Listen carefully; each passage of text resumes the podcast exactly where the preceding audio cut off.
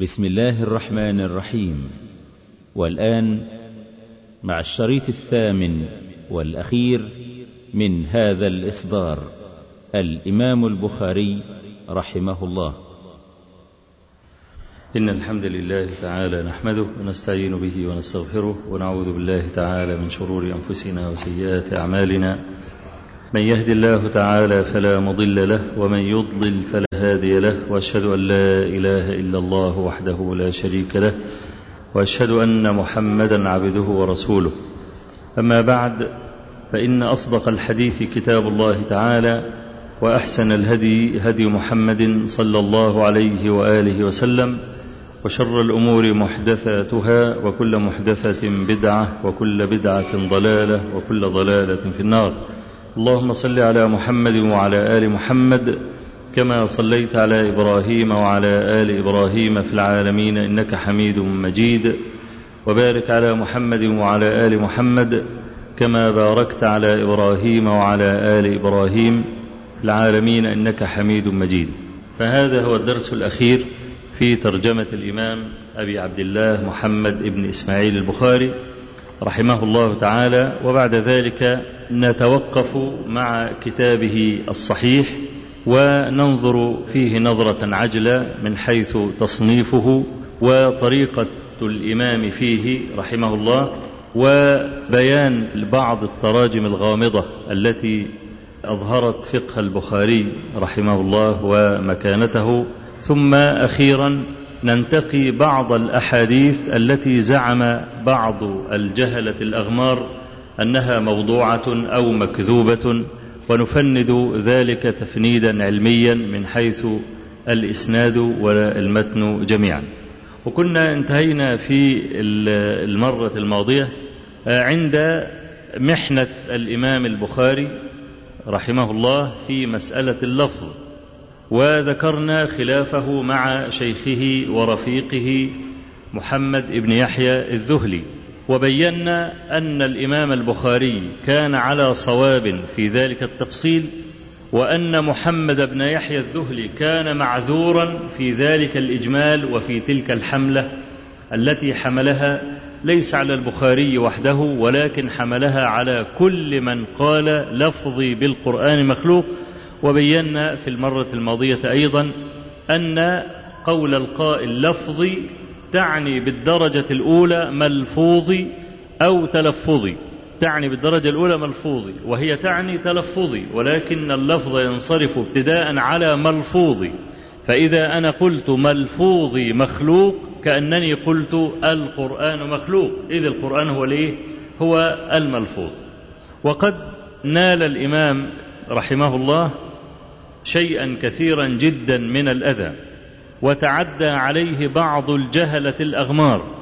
ويعني لئن كنا ننظر الآن إلى البخاري كإمام كبير فالبخاري كان في أيام هؤلاء عالما من العلماء. لم يكن له تلك الحشمة التي ننظر نحن بها للبخاري الآن. ومحمد بن يحيى الزهلي لما وقف للبخاري لم يكن البخاري عنده ذلك الإمام الذي ننظر نحن إليه الآن بل وقد يكون حظ العالم مهضوما بسبب وجوده وسط الناس فإذا غاب عنهم افتقدوه وعز. وفي بعض الأحاديث الموضوعة أو الضعيفة جدا أزهد الناس في العالم أهله وجيرانه. ليه؟ لأنه بيتسنى لهم اللقاء معه كثيرا والمحاورة معه كثيرا بخلاف الغرباء. الغرباء ينظرون دائما إلى أهل العلم نظرة إكبار ليه؟ لأنه يتعذر عليه أن يخالطه وأن يشبع منه وقد توجع ابن حزم رحمه الله من هذه الخصلة لا سيما أنهم أحرقوا كتبه وأخرجوه وردوه إلى بلده مرة أخرى فكان يقول من جملة ما قال وكان ابن حزم شاعرا فحلا ولا عجب فإنه بدأ حياته أديبا بدأ حياته أديبا. فكان يقول في هذا المعنى أنا الشمس في جو العلوم منيرة لكن عيبي أن مطلعي الغرب. لأن هو كان من المغرب الأندلس يعني وهذا اسم المغرب عندنا. لكن عيبي أن مطلعي الغرب.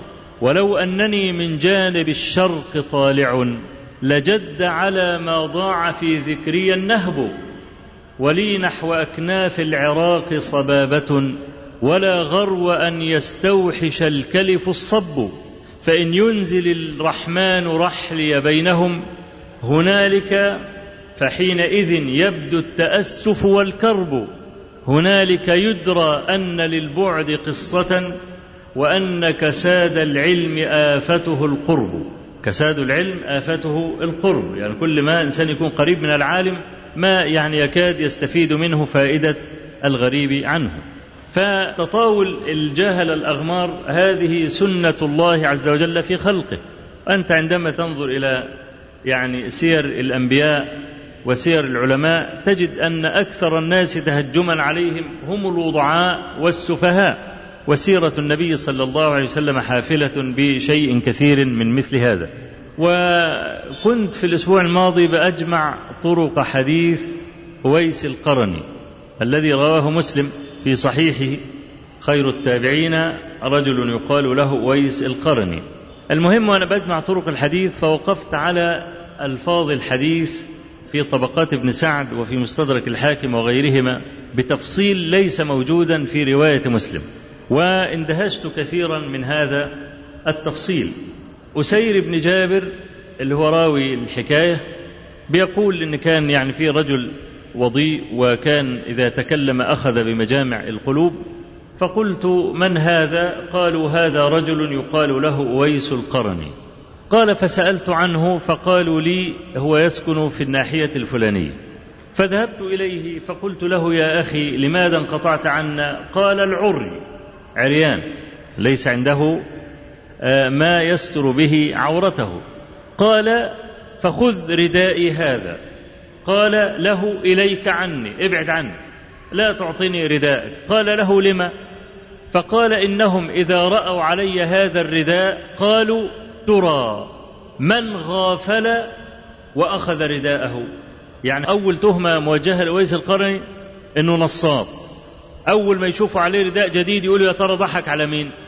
ضحك على مين؟ إيه؟ بسمته وزهده وورعه فيقوم أول واحد ما يشوفه يخطف قلبه على طول. فيأخذ رداءه قال له فما عليك؟ أنا أكلمهم. وأنا جنة بينك وبينهم. أول ما طلع برضو أم رموه قالوا يا ترى ضحك على مين؟ وأخذ رداءه. أم خلع الرداء ومديه لمين؟ ومديه لصح قال ألم أقل لك فأقبل عليهم يذمهم ويعذمهم وكيف تقولون هذا لرجل مثل أويس القرن؟ أويس القرن هذا زكاه النبي صلى الله عليه وسلم وهو تابعي يعني ليس بصحابي. ولم يرى النبي عليه الصلاة والسلام. وقال خير التابعين رجل يقال له أويس القرن من أويس ثم من قرن. له أم هو بها بر. وكان عنده برص فعوفي منه إلا موضع درهم. فمن لقيه منكم فليستغفر له. فيعني مثل هذه البشارة أغرت عمر بن الخطاب إن هو كل ما يأتي أمداد من أهل اليمن يسأل عن ويس القرني. فكان هناك رجل من علية القوم ممن يتخذ أويسا سخرية مادة سخرية وعمال ينكت عليه ويضحك عليه. فالرجل الكبير ده اللي بيحتقر ويس القرني لقي عمر بن الخطاب فعمر الخطاب بيسأله أنت منين؟ قال له من اليمن. قال ما فعل رجل يقال له أويس القرني؟ قال تركته رث المتاع قليل الإيه؟ يعني رث الدار قليل المتاع. فالمهم يعني ظل عمر الخطاب ماشي وراء الأمداد حتى ظفر بأويس. فقال له استغفر لي. عمر الخطاب يقول أويس قرن فالحاصل يعني أنه الفضلاء والنبهاء دائما ينالهم الأذى من هؤلاء الجهلاء حتى يصل الأمر إلى تكفيرهم أيضا. جهلاء يكفرون هؤلاء الفضلاء. تعرض البخاري رحمه الله في هذه الفتنة إلى غمز هؤلاء الجهلاء بل بعضهم كفره. كما ذكر محمد ابن أبي حاتم الوراق أن رجلا جاء إلى الإمام البخاري رحمه الله وقال يا أبا عبد الله إن فلانا يكفرك. فقال الإمام البخاري قال النبي صلى الله عليه وسلم إذا قال الرجل لأخيه يا كافر فقد باء بها أحدهما. فقد باء بها أحدهما. وقد روى البخاري هذا الحديث في صحيحه. وكان كثير من أصحابه يقولون له الناس يقعون فيك. فيقول إن كيد الشيطان كان ضعيفا. ويقول ولا يحيق المكر السيء إلا بأهله. فقال له عبد المجيد ابن إبراهيم يا أبا عبد الله ألا تدعو على هؤلاء الذين يظلمونك ويتناولونك ويبهتونك؟ فقال له إن النبي صلى الله عليه وسلم قال اصبروا حتى تلقوني على الحوض. وقال صلى الله عليه وسلم من دعا على ظالمه فقد انتصر. من دعا على ظالمه فقد انتصر. يعني انت لو عايز تعذب ظالمك لا تدعو عليه. لأن الذي يظلم لا يظلمك وحدك. لا بد أنه ظلم آخرين. فكل مظلوم يسدد إليه سهما بدعاء. فلا بد أن يصيبه سهم واحد منهم. فوفر دعاك عشان تاخذ حسنات يوم القيامة. يعني اعرف أن هناك من كفاك الدعاء عليه. رجل ظالم والمظالم بتاعته منتشرة. ظلم عشرات مئات ألوف كل واحد ما بيصبرش عليه يفضل يدعو عليه. أنت بقى اعلم أن غيرك كفاك فاحتفظ بهذه المظلمة كاملة يوم تلقى الله عز وجل فتأخذ من حسناته أو يأخذ من سيئاته. وسمعه محمد بن أبي حاتم الوراق يقول مرة لم يكن يتعرض لنا قط أحد من أفناء الناس إلا رمي بقارعة ولم يسلم. أفناء الناس اللي هم أغمار الناس. ليس لهم نباهة وليس لهم شهرة. قال وكلما حدث الجهال أنفسهم أن يمكروا بنا رأيت من ليلتي في المنام أن نارا توقد ثم تطفأ من غير أن ينتفع بها. فتأولوا قول الله عز وجل كلما أوقدوا نارا للحرب أطفأها الله. فيتأول هذه الآية ويعني يسلم الإمام البخاري رحمه الله من ذلك. ويقول القاسم ابن القاسم أنه سمع إبراهيم وراق أحمد بن سيار. قال سمعت أحمد بن سيار يسأل أبا عبد الله البخاري رحمه الله قال له يا أبا عبد الله نحن لا نخالفك فيما تقول. ده عالم بيكلم البخاري وأحمد بن سيار معروف.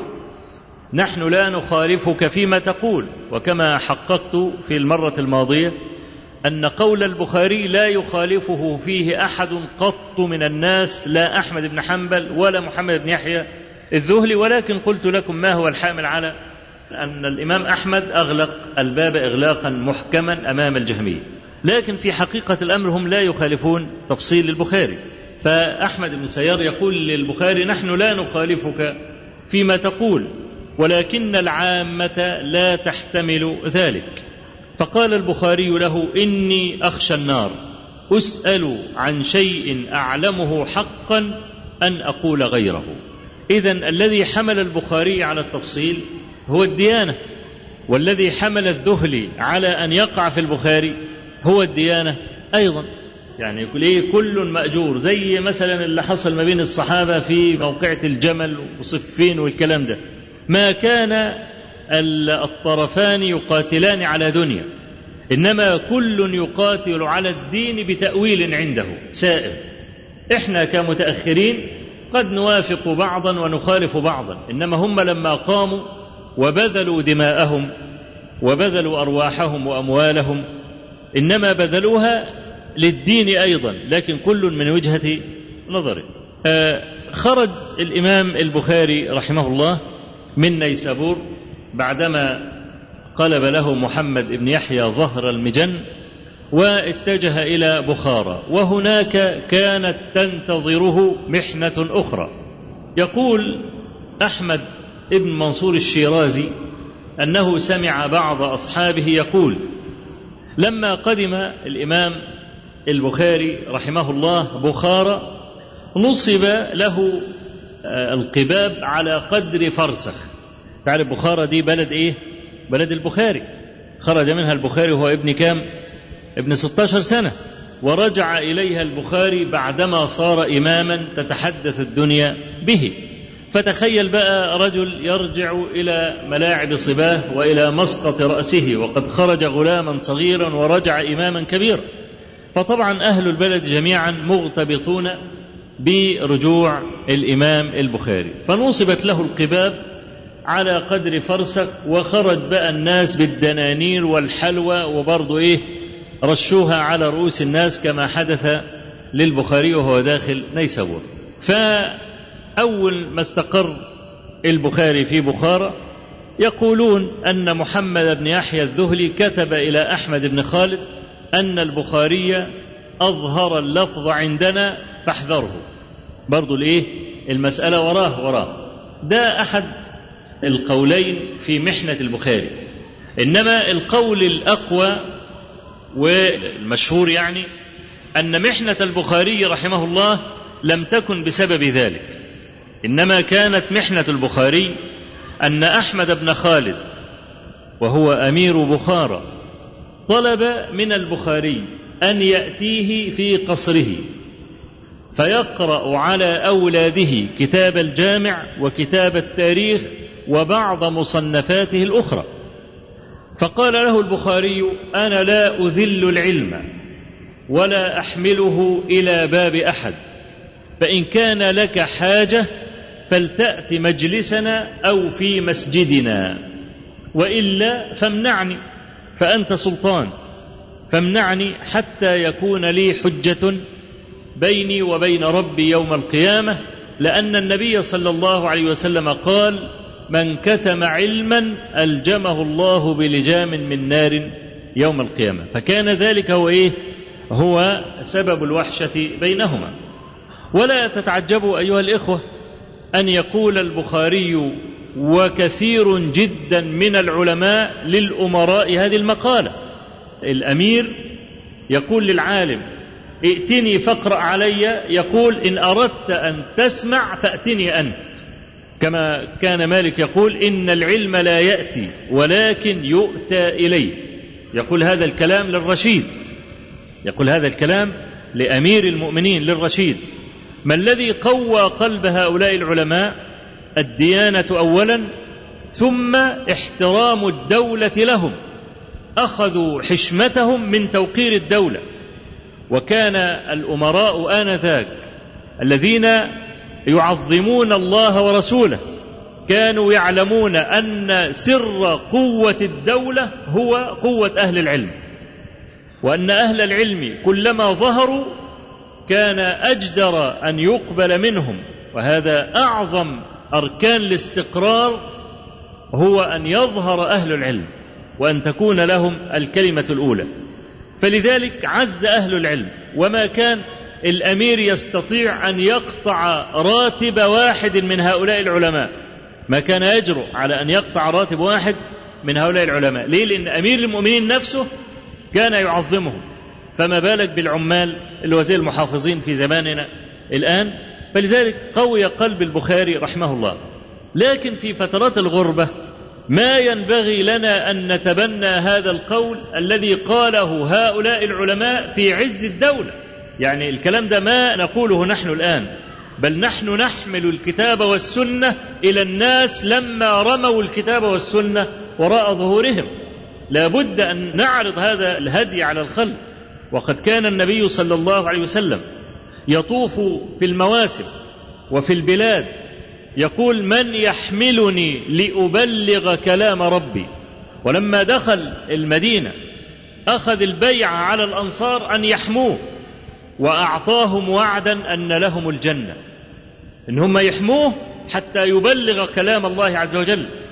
فأنت إذا رأيت رجلا ذا شوكة من أهل الديانة وتستطيع أن تبلغ كلام الله عز وجل من خلال هذا الإنسان فالمشروع في حقك إذا بل قد يجب أن تحمل هذا الهدي العظيم إلى هذا الإنسان حتى يتسنى لك أن تنشره عند الناس. إذا مسألة أنك أنت تحمل العلم وتذهب به أو أنك أنت تقول لا أنا لا أذل العلم دي مسألة خاضعة للواقع. خاضعة للواقع. إحنا الآن بنقول أي مكان يحتاج إلى العلم إحنا نحمل العلم ونذهب إليه. وهذا هو الواجب في حقنا الآن. فعلى أجل هذا الإمام البخاري لما يقول أنا لا أذل العلم ده هذا ليس من باب كتمان العلم. ولعلكم تتذكرون الرجل اللي هو كان أخذ من البخاري خمسة وعشرين ألف درهم. فاكرينه؟ اللي هو ما رجعلوش ولا درهم؟ الرجل ده مش محمد بن أبي حاتم الوراق بيقول لما هو نزل آمل حبوا يكتبوا للعامل بتاع آمل عشان يقبض عليه ويجيب حق البخاري ماذا قال البخاري؟ قال إن طلبت منهم كتابا طلبوا مني كتابا وأنا لا أبيع ديني. لأن أهل الدنيا ما يعملش فيك جميل أبدا إلا وهو منتظر الحد. أنت قدمت ليه؟ قدمت السبت هو مستني الحد. اوعى تكون فاكر ان واحد من أهل الدنيا يعمل فيك جميل كده وعايز يرميه في البحر. لا ده هو بيعمل جميل ومرقد ان هو هياخد الجميل ده في يوم من الأيام. فالبخاري عارف ان الناس دول بتوع دنيا. أنا بعت لهم كتاب على طول بعد كده بعت البخاري يقول له معلش يا ابا عبد الله أنا عايزك بقى تشرفني بس وكده وتنور بيتي وتنور القصر بتاعه وتقرا علينا الجامع الصحيح. هيقول إيه البخاري؟ الإحسان بيدق العنق. لسه أنا قايل له كتاب وقبض على الراجل وجاب فلوس وكانت في حكم العدم. ممكن يستحي يدركه بقى الحياء وبتاعه واخد الجامع الصحيح ورايح عشان يقرأه على هذا الأمير. لكن هو لما رفض كان عزيزا. لما يقول أنا لا أذهب ولا أذل العلم خلاص لا يذهب ولا يذل العلم. ولا يستطيع واحد من هؤلاء إن هو يكسر عينه ويقول له أنا فعلت لك وفعلت. المهم أن هو ده يعني السبب الحقيقي الذي حمل أحمد بن خالد أمير بخارى على إن هو يضطهد البخاري. بل عمل حاجة كمان. طبعا البخاري له حشمة وملى الدنيا بعلمه. فأحمد بن خالد كده هيضطهده لا لازم يلبسه تهم. لازم يلبسه تهم. كالعادة يعني فاستعان عليه بحريث ابن أبي الورقاء. وده كان رجل إيه يتقلب ظهرا لبطن الأمير عايزه كده يبقى كده عايزه كده يبقى كده. زي دعبس المفش عارفين دعبس؟ آه دعبس المفش صاحب المذهب المشهور في هذا الزمان. إن ما يقول النقاب مشروع. وبعدين لقى رد الفعل الرسمي إن النقاب لا. قال خلاص يبقى النقاب لا أصل له في الإسلام. لا أصل له في الإسلام ابدا. ولا حتى جاء ذكره لا في كتاب ولا سنة. عارفين يعني في ثلاثة أربعة كده لهم مذاهب عندنا. دعبس المفش وزلنطح الخنفشاري ها؟ والجماعة دول هم دول أصحاب المذاهب اللي هم بيتقلبوا فيها ظهرا إيه؟ ظهرا لبطن. ويوم ما يطلع يقال له من أمير المؤمنين عايز عايز مين؟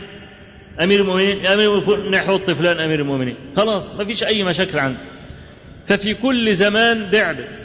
كل زمان. كان دعبس المفش بتاع البخاري اللي هو حريث ابن أبي الورقاء. قال له أنا كده هتهمه بس كده واقفل في, وشه الباب. لا أنت اتكلم فيه. هات أي تهمة له كده عشان أقول إيه إن أهل العلم اتهموه فحريث بن أبي الورقاء الرجل ده هو قام اتكلم فيه وقال العالم دول عالم مبتدع عليه لأنهم يرفعون أيديهم في الصلاة. وأنت عارف إن برضه كان أهل الحديث يفرق بينهم وبين أهل الرأي مسائل فرعية زي دي. مسائل فرعية زي دي. كان أهل الكوفة لا يرون رفع الأيدي في الصلاة إلا في تكبيره الإحرام. بس لحديث مسعود أن النبي صلى الله عليه وسلم كان إذا دخل في الصلاة يرفع يديه ثم لا يعود. رواه أبو داود ونقل يا ابن معين قال هذا حديث منكر. المهم من أهل الكوفة بيستشهدوا بالحديث ده. كان يرفع يديه ثم لا يعود. حديث ابن عمر في الصحيحين أن النبي صلى الله عليه وسلم كان يرفع يديه في تكبيره الإحرام. وكان يرفع يديه إذا أراد أن يركع وإذا قام من الركوع. وبعد ما يقوم من الركعتين بعد انتهاء الإيه؟ التشهد. ودي اللي اسمها التكبيرات الانتقالية فأهل المدينة اللي هم أهل الحديث كانوا يذهبون إلى حديث ابن عمر. وأهل الكوفة كانوا يذهبون إلى حديث ابن مسعود رضي الله عنه. وجرت مناظرة بين ابن المبارك آه الذي قال فيه الشافعي ما رأيت أسرع جوابا من ابن المبارك. التقى مع أبي حنيفة. فقال له ابن المبارك يا أبا حنيفة لم لا ترفعون أيديكم في الصلاة؟ قال ولم يرفع يديه يريد أن يطير؟ فقال له ابن المبارك كما طار في الأولى يطير في الثانية أنتوا بترفعوا إيديكم في التكبيرة الأولى بتاع الإيه؟ تكبيرة الإحرام. ما هو طار أهو. خلاص طار في الأولى ما يطير في الثانية يطير في الثالثة إيه المشاكل؟ قال فسكت أبو حنيفة. طبعا العلماء لهم يعني كلام في المسألة دي والذين ذهبوا إلى حديث ابن عمر هم أصحاب الحجة الفالجة. حديث ابن مسعود حديث منكر كما قال ابن معين وحديث ابن عمر في الصحيحين. سلمنا إن حديث ابن مسعود صحيح فحديث ابن عمر مثبت وحديث ابن مسعود نافي والمثبت مقدم على النافي عند التعارض. وحديث ابن عمر معه علم زائد. وافق حديث ابن مسعود في التكبيرة الأولى وانفرد عنه في التكبيرات الأخرى الانتقالية. فوجب الأخذ بالزيادة التي جاء بها حديث ابن عمر رضي الله عنهما.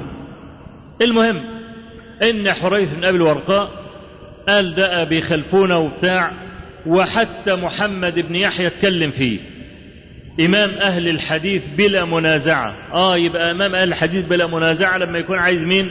عايز يضرب البخاري. إنما لما يكون عايز يضرب محمد بن يحيى الذهلي يشوف أي واحد برضه طعن في الذهلي يقول لك إمام الجهة بلا مدافعه وهكذا.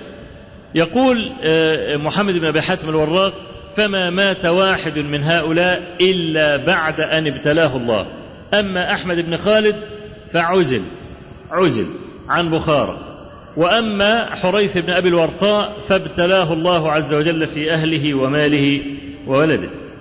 يقول سهل بن شاذويه كان محمد بن إسماعيل يسكن سكة الدهقان.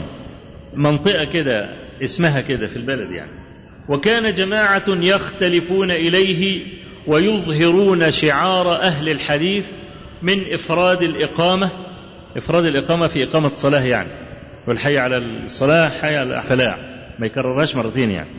من إفراد الإقامة ومن رفع الأيدي في الصلاة وغير ذلك. فقال حريث ابن أبي الورقاء هذا رجل مشغب وهو يفسد علينا أهل المدينة وقد أخرجه محمد بن يحيى الذهلي من نيسابور.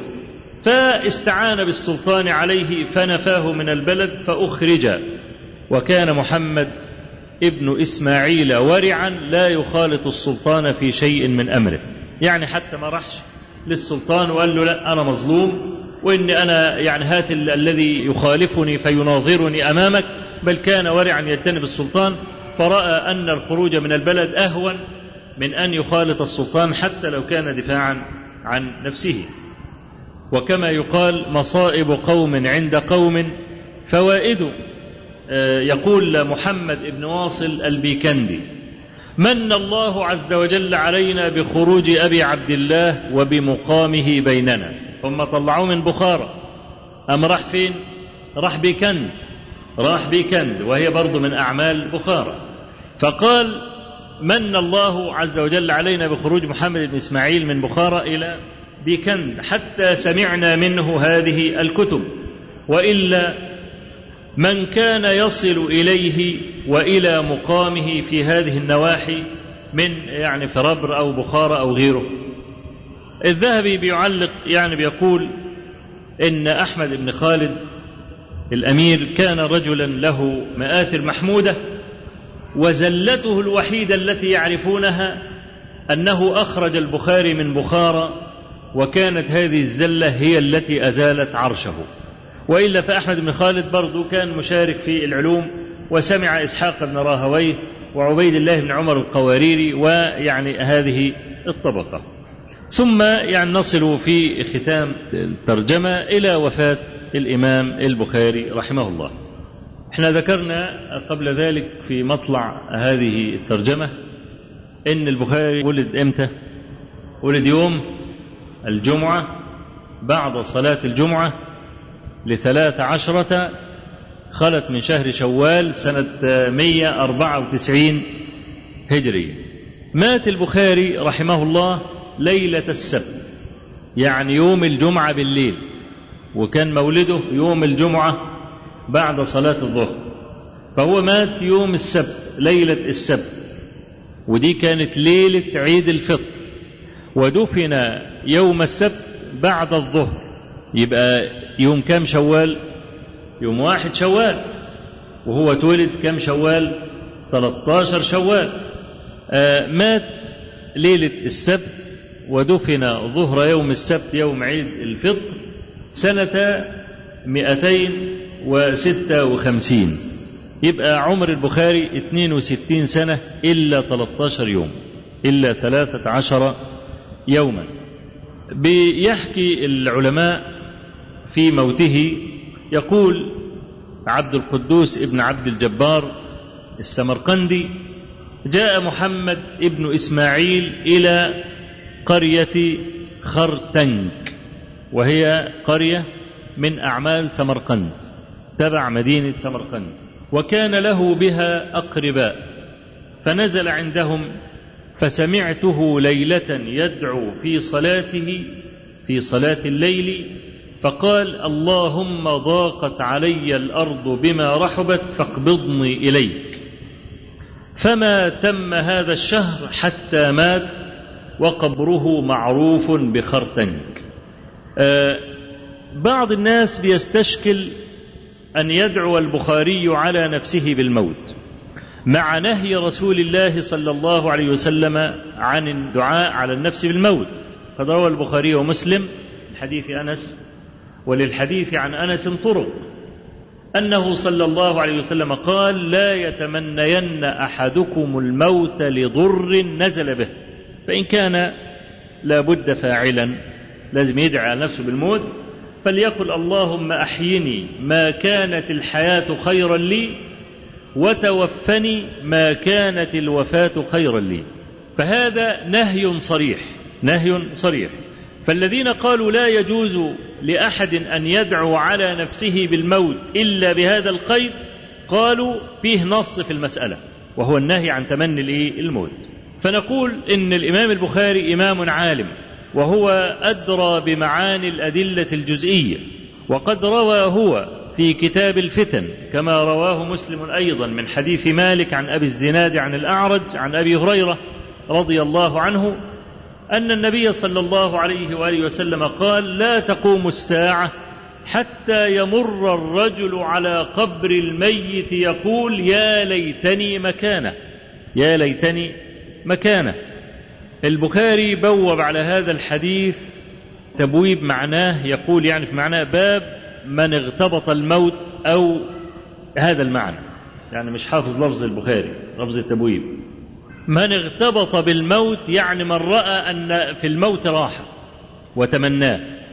فالعلماء الذين احتجوا بهذا الحديث على جواز أن يتمنى الرجل الموت رد عليهم العلماء الأولون قالوا لا لا سواء لأن الحديث الأولاني نهي صريح والحديث الثاني خبر لا فيه نهي ولا فيه أمر. ده مجرد حكاية عما يحدث للمرء في آخر الزمان. فكيف يعني يمكن أن نرد النهي الصريح الواضح لا يتمنين أحدكم الموت لمجرد خبر لم يظهر حكمه وهو أن النبي صلى الله عليه وسلم يقول لا تقوم الساعة حتى يمر الرجل على قبر ميت يقول يا ليتني مكانك. فلما يعني ظهر التعارض كده فابن عبد البر رحمه الله أم واخد سكة وسط ما بين القولين. قال لك هو لا يتمنين أحدكم الموت لضر نزل به بجسمه أو بماله أو بعياله. إنما إذا كان الضر هينزل به في الدين يبقى يتمنى إيه؟ يتمنى الموت. الحافظ ابن حجر العسقلاني نقل كلام ابن عبد البر في الفتح وقال كذا. كلمة كذا أول ما تشوفها يعني تعرف أن الحافظ مش موافق على كلامه. أو شايف أن في بعض الوهاء في كلامه. قال إن كلمة كذا أي كذا قال. وذكره القاضي عياض احتمالا.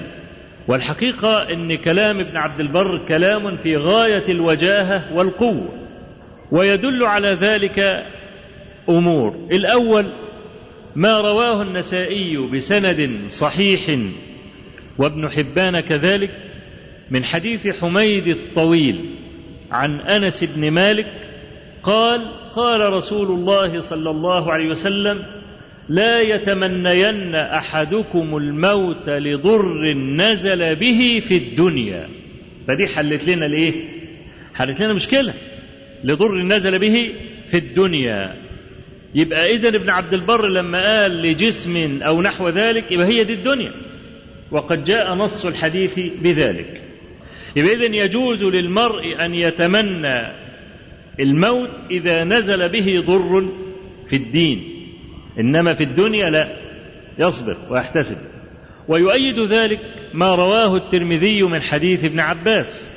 أن النبي صلى الله عليه وسلم قال وإذا أردت بعبادك فتنة فاقبضني إليك غير مفتون. يبقى إذا لو أحس الإنسان أنه سيفتن يبقى إيه؟ يدعو الله أن يقبضه. مش ده معنى الكلام؟ طيب لما الفتن بقى تستعد والواحد يخاف على نفسه أن يفتتن وأن يمسي كافرا أو أن يصبح كافرا وخاف على نفسه فدعا على نفسه بالموت فهذه وصية النبي صلى الله عليه وسلم. بل دعاؤه لنفسه. قال وإذا أردت بعبادك فتنة فاقبضني إليك غير مفتون.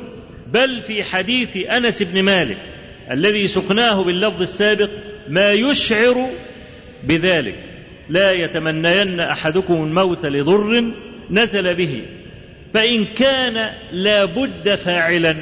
يعني خلاص إن كان لابد يدعو بالموت فإحنا هنرخص له الدعاء بالموت بس يقول الآتي. اللهم أحيني. ما كانت الحياة خيرا لي. طب اللي الفتن بقى مستعرة وشايف الناس بيكفروا بالليل ويؤمنوا الصبح ويؤمنوا الصبح ويكفروا بالليل والعكس. واحد شايف الدنيا كلها كده وخاف على نفسه الموت. يبقى هو ده الحياة خير له؟ طبعا لا ليست الحياة خيرا له. فإن كان لابد فاعلا فليقل اللهم أحيني ما كانت الحياة خيرا لي. طب الحياة بالنظام ده مش خير له؟ وتوفني ما كانت الوفاة خيرا لي. يبقى هذا في إشعار أن المرء إذا غلب على ظنه أنه يعني يفتتن في دينه فدعا على نفسه بالموت فهذا هو الذي يترجح من هذا البحث كله. وبهذا نعلم فقه الإمام البخاري رحمه الله. لما أكابر العلماء يتنمرون له والدنيا تزور عنه ولا يبقى أحد يدخل على هذا الإمام غير اثنين. اثنين من ألوف مؤلفة كانوا يتزاحموا عليه. أحمد بن سلمة النيسابوري ومسلم بن الحجاج. الاثنين دول فقط. هم اللي يدخلوا عليه. وتزور الدنيا. ثم يتهم في دينه. يتهم في دينه وهذه أمر على أهل العلم. إنك أنت تتهم في دينه بقول المبتدعة تأتي على العالم السني تقول عليه جهمي. أو معتزلي. أو أشعري أو ما تريدي أو جبري أو صوفي أو شيعي. كل هذه التهم بالنسبة للعالم أمر من ضرب السيف. لأن يبتلى في كل شيء ولا يبتلى في دينه. لو عايش عشان فلما يبقى دينه ثلم وأصبح في نظر كثير من الناس يقول بقول الجهمية بل محمد بن يحيى الذهلي يقول اللفظية عندي شر من الجهمية. اللفظية عندي شر من الجهمية. ليه؟ لأن الجهمية أمرهم مكشوف. القرآن مخلوق تديله الكارت الأحمر وتطرده. ده استريحنا منه. لكن اللي عمال يلعب لك ده. تيجي تمسكه زي القرموط يطلع منك. تمسكه من يطلع منك. لا ده أنا عندي الصريح الواضح في العداوة بتاعته. أهوى يعني الكافر ولا المنافق؟ مين الأخطر؟ المنافق طبعا. ليه؟ لا إلى هؤلاء ولا إلى هؤلاء. يجي لك يقول لك آمنا. وبعدين يبقى الواحد يعض يقول ابن الذين دل عنا الله ياخذ ربنا يوديه في داهية ويقعد يحيك المؤامرات وأول ما قبله ياخده بالحضن طب ده أبو جهل كان أشرف منه. أبو جهل كان أشرف منه. كان راجل يرفع رأية العداوة وأنا عارف إنه عادل. لكن اللي عمال يتلون يقابلك حبيب وينقلب عليك بعد كده يبقى عدو هذا أخطر. فاللفظية اللي بيلعبوا الألفاظ مش عارفين نمسكهم دول أشر من الجهمية لأن الجهم واضح وحكمه معروف. إنما اللفظية دول يعني إذا على مقتضى كلام الذهلي يبقى البخاري شر من الجهمية. ده مين اللي يتحمل المسألة دي؟ لا سيما لو كان عالما كبيرا وقضى حياته كلها في نصر السنة. أكبر مصيبة تحيق بالعالم إنه يتهم هذه التهمة الكبيرة.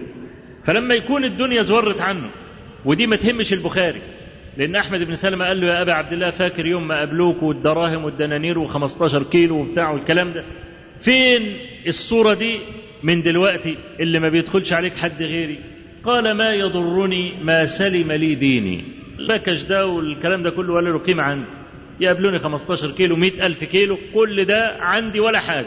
طالما ديني سلم لي إنما كتر الناس قلة الناس دي مسألة ثانوية عندي ما فدي ما تهمش البخاري لكن اللي تهم البخاري أن يتهم في دينه.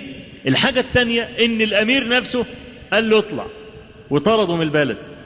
فطلع من نيسابور على بخارى ومن بخارى على سمرقند ومن سمرقند على خرتنك حياته مش عارف يستقر.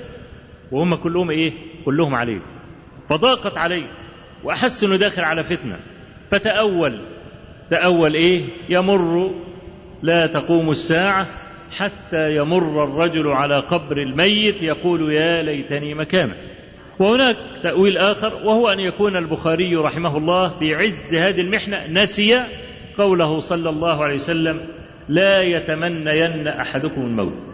وليس بعجيب إن البخاري مع هذا الحفظ العظيم ينسى حديثا في لحظة من اللحظات فإن المرء إذا ركبه الهم قد ينسى البدهيات ينسى البدهيات حتى ينكر نفسه حتى ينكر نفسه إذا ركبه الهم كما حدث لكعب بن مالك لما النبي صلى الله عليه وسلم أمر المسلمين ألا يكلموا هؤلاء جميعا. قال كعب فتنكرت لي الأرض في نفسي فما هي بالأرض التي أعرف؟ لأن كله خصمه حتى لما تصور الجدار على أبي قتادة ومفيش حد عايز يكلمه ويلقي السلام مفيش حد بيرد عليه. تسلق الجدار على أبي قتادة لما اشتدت عليه الوحشه لقى أبو قتادة جالس. فألقى عليه السلام قال فوالله ما رد علي السلام. فقال أنشدك الله يا أبا قتادة أما تعلم أني أحب الله ورسوله. أنتوا ليه بتعاملوني كده؟ ليه ما فيش حد بيرد عليه السلام؟ أما تعلم أنني أحب الله ورسوله؟ فقال الله أعلم. قال ففاضت عيناي ونزل من على الجدار وبدأ يتجول في السوق. وعائشة رضي الله عنها لما ألمت بها المحنة محنة الإفك.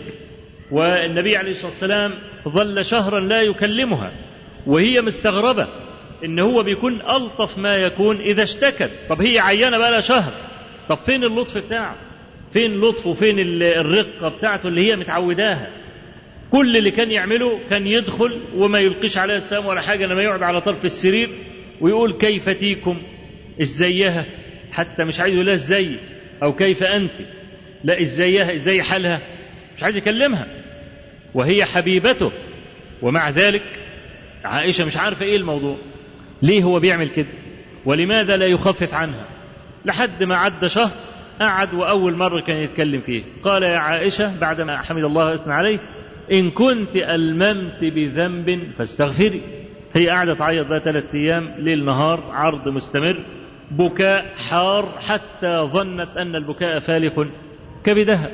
فقال لها إن كنت ألممت بذنب فاستغفري الله فإن العبد إذا أذنب واعترف بذنبه ثم تاب تاب الله عليه. يعني معنى كده إن أنت بترى إنني متهم إنك تقول هذا الكلام إذا كنت عملتيها استغفري. وهي كانت منتظرة إن هو اللي يبرأها بلا مثنوية بلا استثناء ولا يتوقف في أمرها. يبقى هو ده الأمل الأخير لها اللي هو هيقول بمنتهى القوة والحزم هي بريئة. تقوم تقول إن كنت ألممت بذنب يعني إن كنت عملتيها يعني أنت شاكك إن أنا ممكن أكون عملتها؟ فعز عليها. إن المسألة تبقى كده من أقرب الناس إليها ومش أقرب الناس بس ورسول الله المكلم من السماء كمان. قالت فقلص دمعي. من كتر المصيبة والهول والمفاجأة قلص دمعي حتى ما أحس منه قطرة. ثم قالت والله لئن قلت إنني فعلت. والله يعلم أنني ما فعلت لا تصدقونني. ولئن قلت إنني فعلت. والله يعلم أنني ما فعلت لتصدقنني فوالله ما أجد لي معكم مثلا إلا كما قال أبو يوسف فصبر جميل والله المستعان على ما تصفون. في بعض الروايات قالت نسيت اسمه نسيت اسم والد يوسف والد يوسف لا يعقوب. فعائشة تنسى اسم والد يوسف؟ لا ما تنساهوش. لكن من الهم الذي ركبها ثم تنسى هذه البدهيات القريبة من الذهن. فلا مانع أن أقوى الناس حفظا يمكن أن ينسى ما يتذكره بعض أو من هو أقل منه بمائة درجة أو بألف درجة. فلا مانع أن يكون البخاري نسي هذا الحديث في غمرة هذه المصيبة وإن كان القول الأول أو الوجه الأول هو أقوى القولين جميعا. يقول أبو منصور غالب ابن جبريل يصف لنا موت البخاري. وغالب ابن جبريل ده اللي البخاري نزل عنده في الدار. إذا هو أقرب الناس منه يقول نزل علينا أبو عبد الله فأقام عندنا أياما فمرض واشتد المرض حتى وجه رسولا إلى مدينة سمرقند. في إخراج محمد أي حتى وجه الأمير رسولا إلى مدينة سمرقند يخرج محمد بن إسماعيل البخاري من سمرقند. ما هو طلع من سمرقند راح إيه؟ راح خرطن فلما تهيأ للركوب فلبس خفيه وتعمم فما مشى قدر عشرين خطوة حتى قال أرسلوني فإني قد ضعفت. فدعا بدعوات ثم اضطجع فقضى رحمه الله قضى نحبه فسال منه من العرق شيء لا يوصف. يعني إيه العرق بتاعه؟ كان عرق بغزارة وهذا من علامات حسن الخاتمة. كما في سنن النسائي والترمذي وابن ماجة وأحمد وصححه ابن حبان والحاكم أن من حديث بريدة أنه زار أخا له في خراسان وهو يقضي نحبه فسال منه عرق كثير فلما رأى ذلك بريدة قال الله أكبر سمعت رسول الله صلى الله عليه وسلم يقول موت المؤمن بعرق الجبين. موت المؤمن بعرق الجبين. فالعرق الغزير عند الموت فهذا من علامات حسن الخاتمة نسأل الله حسنها. قال فلما سكن أي عرقه أدرجناه في ثيابه وكان فيما قال لنا وأوصى إلينا أن كفنوني في ثلاثة أثواب بيض ليس فيها قميص ولا عمام. ده كما فعل برسول الله صلى الله عليه وآله وسلم. فقال يعني إن لما دفناه فاح من قبره عبير مسك لعدة أيام. والمصيبة الكبيرة والداهيه العظيمة إن العوام لما تفطنوا للمسألة دي راحوا عشان إيه؟ ياخدوا التراب اللي حوالين القبر بل كادوا أن ينبشوا قبره. فلما رأوا ذلك وخافوا على القبر يعني إن العوام تنبشوا بقى كل واحد رايح ياخد له شوية بركة. على عادة بقى ما يفعله معظمو القبور. بنوا على قبر البخاري زي ما تقول سياج من خشب قوي واقي حتى يمنعوا الناس أن يصلوا إلى قبره.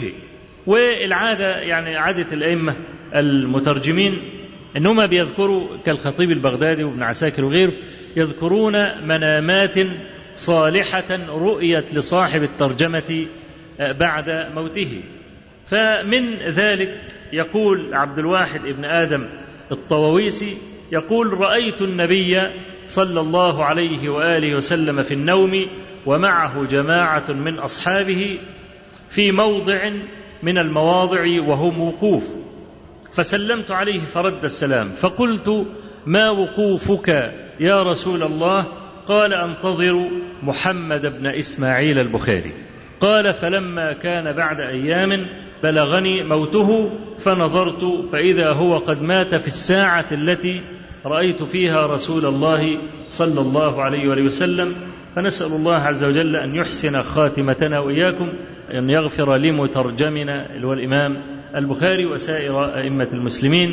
قولوا قولي هذا واستغفر الله العظيم لي ولكم وصلى الله وسلم وبارك على نبينا محمد والحمد لله رب العالمين. وأخيرا تقبلوا تحيات إخوانكم بدار المنار للإنتاج الإسلامي والتوزيع. سائلين الله جل وعلا أن ينفعنا بما علمنا وأن يعلمنا ما جهلنا. أخي الكريم لا تنسنا بدعوة طيبة بظهر الغيب ليقول لك الملك ولك بمثلها. والسلام عليكم ورحمة الله وبركاته.